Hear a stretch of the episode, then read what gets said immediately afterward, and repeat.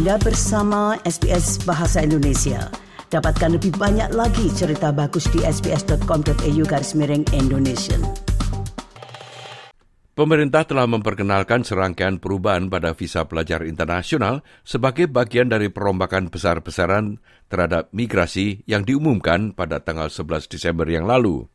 Strategi 10 tahun ini bertujuan untuk mengurangi separuh migrasi bersih ke Australia selama dua tahun ke depan, sekaligus menarik lebih banyak pekerja berketerampilan tinggi dan esensial. Berikut ini laporan tentang hal tersebut yang disusun oleh Edwina Guinan untuk SBS News. Pemerintah berada di bawah tekanan akibat krisis biaya hidup dan memburuknya keterjangkauan perumahan. Di tengah kekhawatiran itu, pemerintah meluncurkan cetak biru strategi migrasi baru. Menteri Dalam Negeri Claire O'Neill mengatakan jumlah migrasi mungkin dikembalikan ke keadaan normal.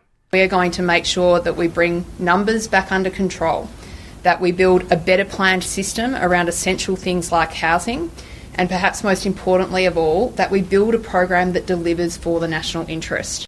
Setelah pembukaan kembali perbatasan Australia pasca pandemi, jumlah pendatang baru versus jumlah keberangkatan mencapai puncaknya, yaitu lebih dari 500 ribu pada tahun anggaran lalu. Pemerintah berharap dapat menurunkan jumlah migrasi menjadi 250 ribu pada tahun 2025, yang sebagian besar akan dicapai dengan memperkenalkan peraturan yang lebih ketat untuk visa pelajar internasional. Hal ini mencakup tes pelajar asing untuk semua permohonan visa dan peningkatan persyaratan bahasa Inggris untuk visa pelajar dan visa pasca sarjana sementara. Claire O'Neill mengatakan perubahan ini akan meningkatkan kualitas pengalaman pendidikan siswa di Australia dan mengurangi potensi eksploitasi di tempat kerja. Now, what we have seen with students who are struggling with their English is that they are at much higher risk of exploitation and that they are likely to gather in really low paid work and uh, not be able to move out of that over their time in our country. Now, we want to run a good, integrity filled migra- uh, education system here, but we also want to set our students up for success. And if we allow them to come here without functional English that will allow them to work, we're not doing that. Perubahan tersebut menimbulkan reaksi beragam dari mahasiswa internasional. Salah satunya adalah Harry Dukral yang sedang menyelesaikan Masters of Marketing Management di Australian National University. Dan ia mendukung langkah pemerintah itu. I literally think that it's quite necessary, to be very honest, when you, you know, come to a foreign country where, you know, English is their first language. I think you have to be very proficient about it.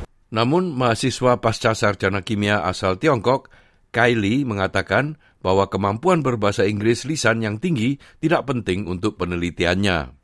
Most time we just uh, need to uh, read to do experiments, and uh, we seldom to spend so much time to uh, communicate uh, with others. Rencana migrasi baru ini juga bertujuan untuk mengurangi jumlah orang yang menggunakan visa kerja sementara dengan skills in demand visa baru yang menggantikan beberapa visa lainnya yang sudah ada saat ini. Hal ini akan mencakup jalur untuk menarik pekerja bergaji tinggi dan berketerampilan tinggi dengan memotong birokrasi dan waktu pemrosesan visa, yaitu sebuah langkah yang disambut baik oleh CEO dari Dewan Teknologi Australia, Kate Pounder. There are some very deep skill shortages in our economy, which, when we don't get them right, can make it harder to grow our economy, make it hard to create innovative businesses that want to export to the world, and, and in some cases can jeopardize our national security if we're finding it hard, for example, to fill roles like cybersecurity specialists. So we just think that this change is going to be really vital to put us on a better footing economically as well as a more secure footing uh, when it comes to areas like cybersecurity. Namun, Serikat Pekerja New South Wales mengatakan langkah-langkah tersebut tidak cukup untuk mencegah eksploitasi pelajar internasional. Menteri Mark Murray menyerukan kepada pemerintah untuk membatasi jam kerja bagi pelajar internasional dengan mengatakan bahwa mereka yang melanggar peraturan masih bergantung dan berada di bawah kekuasaan majikan mereka. Quite frankly, if you're a student living in Sydney and studying, trying to get a degree and you're doing some work, uh, you can't live in Sydney or Melbourne uh, on 20 odd hours a week. Uh, it's just unreasonable, unfair, and we don't believe students are coming here simply to try and leave their student visa to work and become permanent residents. Beberapa pihak menyalahkan tingkat migrasi sebagai penyebab tingginya harga perumahan dan rendahnya kualitas hidup di pusat kota. Juru bicara keimigrasian dari pihak oposisi, Dan Tien, tampaknya adalah salah satu dari mereka itu.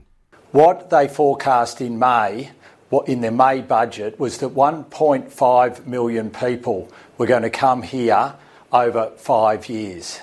Now, what we've found out today, that that number will now be 1.6 million people over five years, driving up housing prices, driving up rents, driving up your inability to be able to see a GP, driving up congestion in our major capital cities. Namun, Trent Wiltshire, Wakil Direktur Migrasi dan Pasar Tenaga Kerja di Creighton Institute mengatakan hal itu tidak benar. Ia menambahkan, pemodelan ekonomi menunjukkan berkurangnya penerimaan imigrasi akan mengurangi harga sewa hanya sebesar satu persen saja.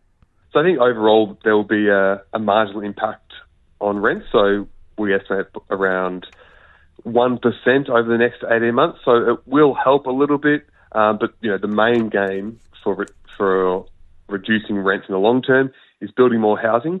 Uh, but more can be done in the short term as well. So things like boosting Commonwealth rent assistance further will help the most vulnerable renters.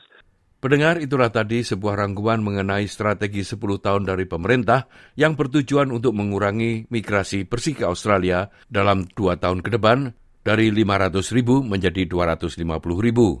Rangkuman itu disusun oleh Edwina Guinan untuk SBS News dan disampaikan oleh Ricky Kusumo.